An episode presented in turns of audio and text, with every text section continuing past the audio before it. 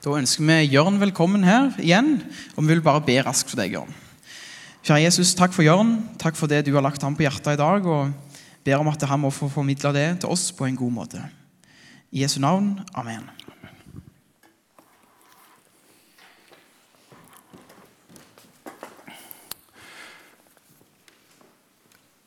Ja, jeg, ikke, jeg, er ikke med på det der skrittellergreiene, så, så, jeg kommer ikke til å gå så veldig mye fram og tilbake. Men jeg tenkte jeg skal holde manuset mitt i hånda, eh, så derfor så har jeg ikke bruk for den allikevel. Så det var derfor jeg, jeg den. altså.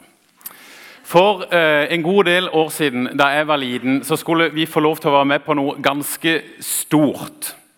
Vi var på besøk hos eh, noen familie i Porsgrunn, eh, og vi skulle være med på Barnas dag. Jeg var ganske liten. For en liten gutt som kommer fra ei lita øy, så var det å skulle få være med på noe sånt egentlig ganske stort. Bare det å være i en by med så mange folk, og så en egen dag som heter Barnas dag. Ja, Det var store greier. Men faktisk så er sannheten det at jeg husker ikke så veldig mye fra den dagen. Men jeg husker at det var mye folk. Og jeg husker at vi var en del av mengden. Og jeg husker at jeg fulgte etter pappa. Eller det vil si, jeg fulgte etter det jeg trodde var pappa for på et eller annet tidspunkt så oppdaga jeg at det var ikke pappa som gikk foran meg. Men det var en som hadde ei lik bukse eller, eller lik jakke, og jeg kunne ikke se faren min noe sted. Jeg hadde fulgt etter feil person. Jeg hadde gått meg bort. Og det kan være en ganske skrømmende opplevelse. Ettersom jeg kan huske, så satt jeg meg på ei trapp Eh, og så satt jeg der helt til jeg da heldigvis ble funnet. Det å plutselig og uten forvarsel å bli overlatt til seg sjøl, forlatt Har du opplevd det? Kjenner du den følelsen? Eller kanskje skal vi snu det og se det fra den andre sida. Som foreldre så er noe av det verste vi kan tenke oss å oppleve, er at det skal skje et eller annet med barna våre. Vi er redd for å miste dem. Bare for et par dager siden så kjente jeg det der, der i maven. For det er Elise, hun ene dattera vår, skulle ta bussen hjem fra skolen alene. Og Når hun gjør det, så pleier hun å ringe til oss når hun sitter på bussen. Og så ringer hun når hun er kommet hjem, sånn at vi har en viss oversikt over hvor hun er. Og Så var jeg borte på hovedkontoret, og så sier Grete, kona mi, til meg Du, Jørn, har Elise ringt til deg, da? Nei, det, det hadde hun ikke.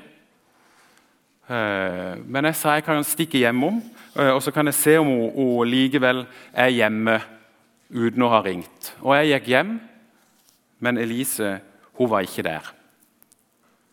Og så begynner tankene å kverne, og jeg ble urolig. Det ble en sånn klump i maven. Tenk om. Tenk hvis. Som foreldre så er vi redde for å miste barna våre. Og så er det òg en god del barn som er redde for at det skal skje noe med foreldrene deres.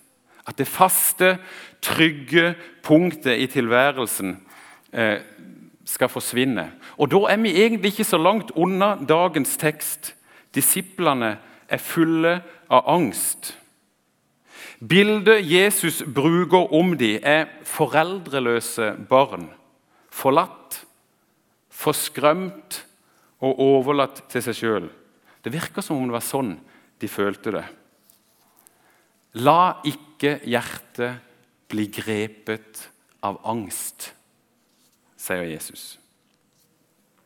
La oss først bare anerkjenne det at det går an for kristne å oppleve uro og angst. Ja, til og med kjempe med det. Det er ikke sånn at vi er fritatt ifra det, eller at det er noe galt med oss eller gudsforholdet vårt, for den saks skyld, dersom vi er plaga med dette. Det kan være mange ting å være urolig for. Og noen av oss er skrudd sammen sånn at vi merker mer til dette enn det andre gjør. Hva var det som gjorde at disiplene følte seg så urolige? Det var flere ting. For det første så hadde Jesus rett før sagt at han skulle forlate dem. Og I løpet av de siste årene så hadde hele tilværelsen til disiplene dreid seg om Jesus. Alt hadde handla om han. De hadde gått rundt i sammen med han. De hadde spist i sammen med han, de hadde sovet i sammen med han, de hadde hørt han tale, de hadde sett at han hadde gjort under. De var helt opphengt i Jesus. Jesus var alt. Så bare tanken på at han nå skulle forlate dem, ja, den var helt forferdelig. Og Jesus bruker altså bildet av foreldreløse barn. Og, og Det beskriver kanskje den sinnstilstanden som disiplene var i. Rent følelsesmessig så kan en bare sammenligne den følelsen de nå hadde med å miste Jesus, med den et barn har som mister foreldrene sine. Jesus hadde bedt dem om å investere hele framtida si i etterfølgelse av Jesus. Og de hadde tatt på seg den forpliktelsen han hadde gitt dem. Og Så kan vi jo bare tenke oss hva slags framtid de hadde sett for seg sammen med Jesus. Jesus var Messias. Han var den salvede. Han var herskeren, han var befrieren. Han skulle regjere. Og disiplene skulle være i sammen med han i hans herlige herredømme. Og så kommer Jesus og sier at han skal forlate dem. Vi kan ane åssen bare framtidsplanene ja, gikk i, i grus. Ei framtid uten Jesus. Hva slags framtid er det? I tillegg så hadde Jesus sagt at Peter kom til å fornekte Jesus. og Det har nok rysta Peter å høre. Men antageligvis så har det rysta disiplene òg å høre det. For hvis ikke Peter skulle klare å bestå den prøven som nå lå foran dem, ja, hva da med de andre? Hva slags håp hadde de? Og så har du det med Judas. Jesus hadde sagt rett ut en av dere kommer til å forråde meg. Og Peter han hadde nikka til Johannes. Johannes var nærmest Jesus, lå nærmest Jesus ved bordet. Han hadde nikka til Johannes for at Johannes skulle spørre Jesus og hvem det var Jesus mente. Og Jesus hadde pekt ut Judas. Om alle sammen fikk det med seg, ja, det, det er vanskelig å vite. Men antageligvis har iallfall Peter og Johannes fått med seg dette. De hadde en forræder iblant seg, innenfor sin egen vennekrets, helt i den innerste sirkelen så var det en som skulle svikte dem så totalt. Og Som om ikke det var nok, så hadde Jesus kommet med hint om at når han var borte, så skulle disiplene fullføre et oppdrag. De hadde et oppdrag å fullføre. Riktignok hadde de vært på misjonsturer før. Men da hadde jo Jesus stått der klar og venta når de kom tilbake for å ta imot dem. Og nå skulle ikke han være der lenger uro. Uro for å bli forlatt. Uro for åssen ting skal gå. Uro for at det er noen som vil den de er glad i, vondt. Uro for de oppgavene som ligger foran, og som vi ikke vet åssen vi skal løse. Eller om vi i det hele tatt har det i oss som skal til. Kjenner du deg igjen i det? Disiplene de var satt skikkelig i ubalanse. Rådvillhet, redsel, angst. Og vi som er disipler i dag, vi kan òg av og til kjenne på det samme. Klumpen i maven. Den der klamme hånda som tar et fast grep rundt hjertet og følelsene våre. Skal jeg være helt overlatt til meg sjøl? Nei, du er langt ifra overlatt til deg sjøl. Jesus Han var der i sammen med sine disipler. Og Jesus han er her, i sammen med oss, i sammen med deg. Og han ser åssen du har det. Han ser, han gjenkjenner og ser angsten. Det er derfor han kan si 'la ikke hjertet bli grepet av angst'. For det han ser, det Han er helt, helt nær det, og han kjenner det. Urolige hjerter det er på mange måter kanskje sinnstilstanden til massene her i Vesten. Vi som er kristne òg. Vi har så mange ting som, som, vi blir urolige for. Og På en måte så er det jo egentlig litt av et paradoks at vi som bor i et av de roligste hjørnene av verden, vi som egentlig ikke trenger å bekymre oss noe nevneverdig, verken for mat eller klær eller hus, jobb, katastrofer Vi som mer eller mindre har alt. Vi går rundt og uroer oss. Vi blir urolige. Men nå er det likevel sånn det en gang er, og det får vi bare anerkjenne. Vi uroer oss i større eller mindre grad, men jeg hadde lyst til å si inn i den uroen at Jesus ser det. Og det betyr faktisk en forskjell. Hva er Jesus' svar til urolige hjerter? Hva er botemiddelet som Jesus gir? Tro på Gud og tro på meg, sier Jesus. Botemiddelet for uroen, botemiddelet for angsten, er tro. Jeg må si at jeg har bala litt med dette her når jeg skulle forberede meg. For hva slags svar er egentlig det å gi til noen som sliter med angst? Kanskje angst for å ikke strekke til. Eller kanskje angst for, for framtida. Ja, nå skal du bare høre her. Du skal tro. Er ikke det bare nok et krav? Er det ikke bare nok en ting som ah, antageligvis så kommer jeg ikke til å få det til? Det er noe mer jeg kan mislykkes i. Noe som, som kommer til å skjære seg. Samtidig så er det Jesus som sier det. Og han sier det til disipler som har hjerter grepet av angst. Hva er tro på Gud? Hva er tro på Jesus? Tro er tillit. Tillit til at han er den han sier at han er. Tillit til hans trofasthet, tillit til hans miskunn og nåde, tillit til hans frelse. Tillit er ikke noe jeg får til. Tillit er noe jeg får.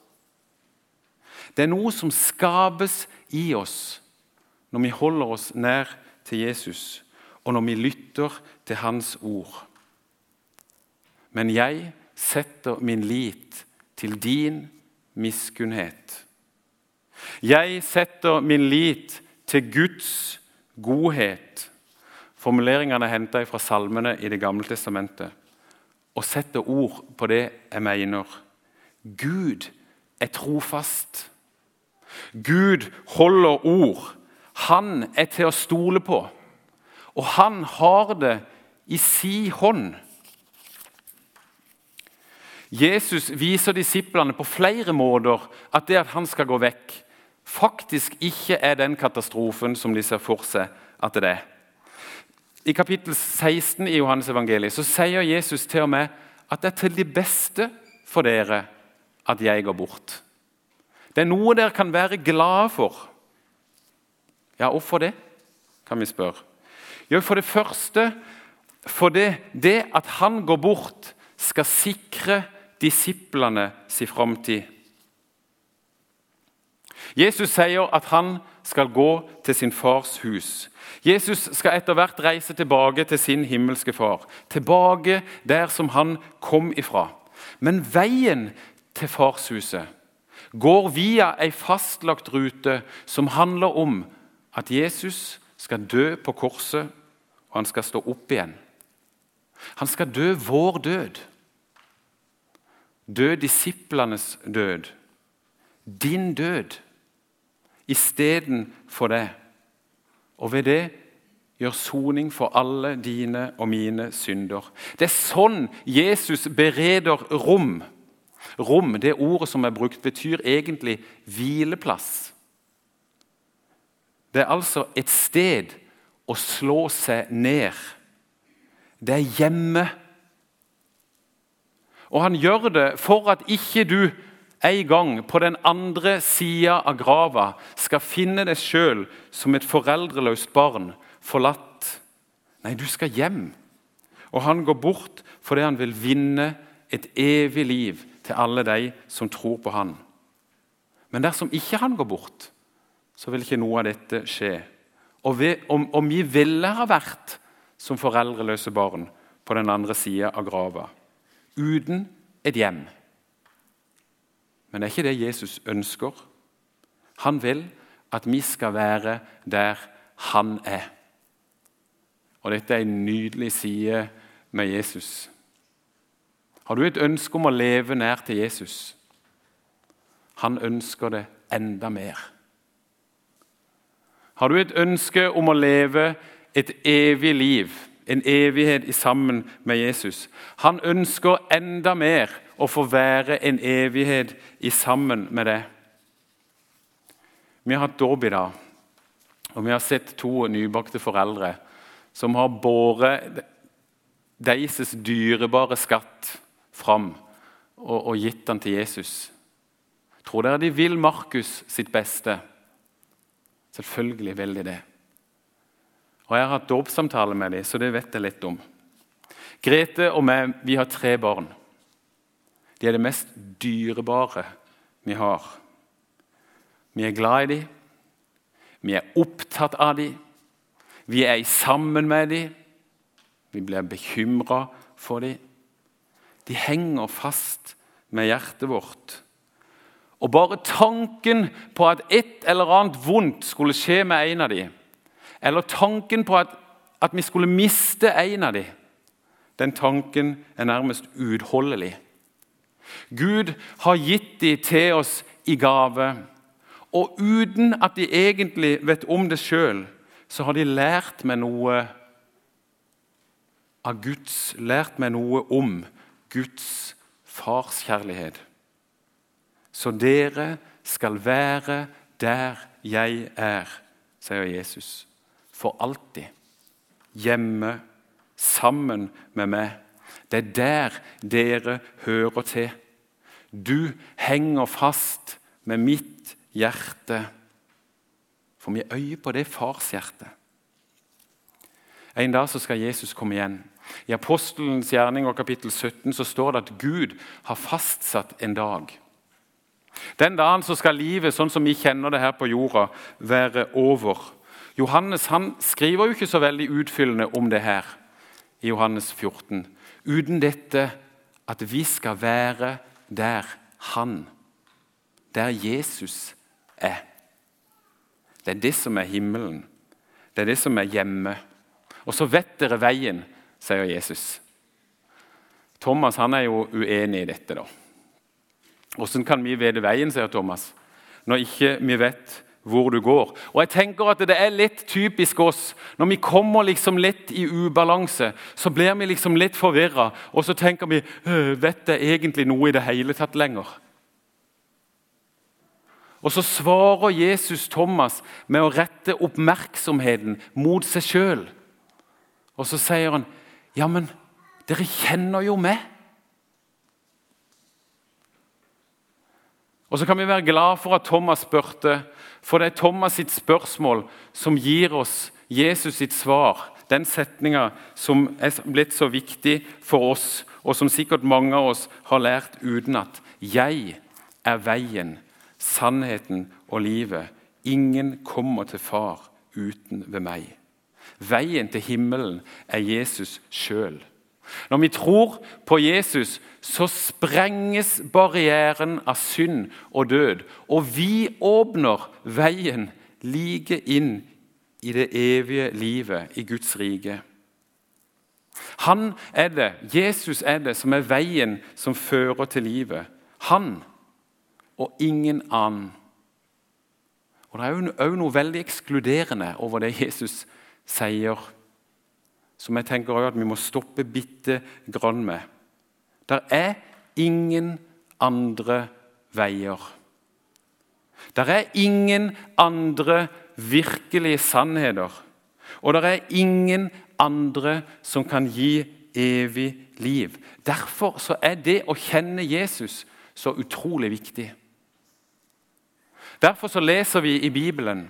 Derfor så driver vi misjonssalen. Derfor så sender vi ut misjonærer. For det er så viktig at mennesker lærer å kjenne Jesus. Han som er den levende veien, som leder helt inn i Guds nærhet. I Han har vi et sikkert ankerfeste for sjelen. Et trygt ankerfeste som gjør at vår livsbåt ikke driver rundt med vær og vind og skiftende tider. Når du opplever et urolig hjerte, når du opplever at du er urolig, når du opplever den klamme hånda som tar tak rundt hjertet ditt og setter deg i ubalanse, hvor kaster du ditt anker da? Kaster du det et sted der du vet at du kan finne ankerfeste? Det er lite klokt å kaste ankeret opp i båten.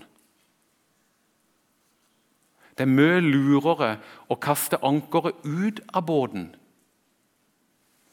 Kast ankeret på Jesus. Han er uforanderlig. Han er i går og i dag den samme. Han holder, han er sikker, og han har gjort alt som skal til for at dere to skal få være sammen til evig tid. Det var altså til det beste for disiplene at Jesus gikk bort. For da åpner han veien for oss til himmelen. Og det er jo, det er jo i sannhet noe å glede seg over. Den andre grunnen til at det var til, det beste for disiplene, at det var noe disiplene kunne glede seg over, var at Jesus ved å gå bort skulle fullføre åpenbaringa av Faderen. Har dere kjent meg, skal dere også kjenne min far. Fra nå av kjenner dere ham, og dere har sett ham. Jesus identifiserer seg fullstendig med sin far. Den som har sett meg, har sett far, sier Jesus. Gud er ikke noe annerledes enn det Jesus har vist oss. Av og til kan vi kjenne på at det er litt vanskelig det der med Gud. Han er så stor og, og mektig. Og så er han så langt borte. Lurer du på åssen Gud er? Se på Jesus. Jesus eh, identifiserer seg totalt med Faderens vilje. Det er far som elsker på en sånn måte at han ga sin sønn den enbårne. Det er far som har sagt at dette er den eneste veien å frelse deg og meg på. Og Jesus er lydig. Lydig inn til døden. Han gjør det far har pålagt han å gjøre. Og han viser med det åssen Gud er. Det at Jesus nå skal gå bort, det at Jesus må lide og dø, viser oss både Guds hellige vrede over synda og Guds brennende kjærlighet til oss mennesker. Jesus viser oss det. Og På en måte så kan vi si at vi hadde ikke visst dette på denne måten hvis ikke det hadde vært for korset. Gud er rettferdig, og Gud er kjærlig. Og Det hadde vi ikke visst på samme måten dersom det ikke hadde vært for korset. Rettferdigheten i Gud gjør at synda må gjøres opp. Det er ikke greit at ikke vi oppfører oss. Det er ikke greit at vi sårer hverandre, at vi ikke oppfører oss mot hverandre, og at vi gjør hverandre vondt. Gud reagerer på det. Han er ikke likegyldig til hvordan vi lever livene våre, eller til hvordan vi behandler hverandre. Han reagerer. Og samtidig så elsker han oss, altså. Forstår det den som kan. Og så sier han at han sjøl vil ta den straffen som vi skulle ha hatt. Jesus gjør opp vår sak med Gud, sånn at vi er frie. Guds rettferdighet og Guds kjærlighet møtes på korset. Der blir Faderen åpenbart for oss, og det er Jesus som gjør det. Den store, allmektige, hellige, rettferdige, kjærlige, men usynlige Gud har blitt synlig og kommet helt nær i Jesus. Han er blitt kjent på en annen måte. Han har blitt åpenbart. Derfor var det til det beste for disiplene og for oss at Jesus gikk bort. For dersom han ikke hadde gjort det, så hadde ikke de eller vi visst dette. Og vi kunne ikke ha kjent far på en sånn måte som det vi kan nå. Og så sier Jesus at ved å gå bort så kan han utruste oss til å leve for han. Jesus vil sende Den hellige ånd. Det ble snakka mye om det her i misjonssalen forrige helg. Og det er utenfor søndagens tekst. Men dersom du leser videre, så får du med deg dette punktet òg. Altså La ikke hjertet bli grepet av angst. Tro på Gud og tro på meg. Jesus har omsorg for sine disipler. Han hadde omsorg for de som var samla sammen med Jesus denne påska for 2000 år siden. Og han har omsorg for oss som er samla her i dag. Han ser oss. Han ser åssen vi har det. Han ser det som ikke går så greit. Og han ber oss om å kaste ankeret ut av båten, sånn at det kan få feste i Han. Han holder. Han er sikker. Han blir ikke kasta rundt av vær og vind. Verken det været som møter oss på utsida, eller det været vi føler på innsida. Han er veien, sannheten og livet. Og han har ordna med et sted å slå seg ned for deg i sin evighet. Og når du lever i sammen med Han, så er det til den evigheten du er på vei. Skal vi be. Himmelske Far, jeg takker deg for ditt ord. Herre, jeg takker deg for at vi skal le få lese det, og jeg takker deg for at du taler til oss igjennom det. Og Herre, så har jeg òg lyst til å takke deg for at du er kommet oss helt nær i din sønn, vår frelser, Jesus. Og Herre Jesus, takk for at du ville. Takk for at du ville være lydig, og takk for at du ville dø på korset istedenfor meg. Herre, takk for din kjærlighet til oss. Takk for din omsorg. Og Herre, jeg ber om at vi må få et lite glimt av det, sånn at det er det som griper hjertet vårt. Amen.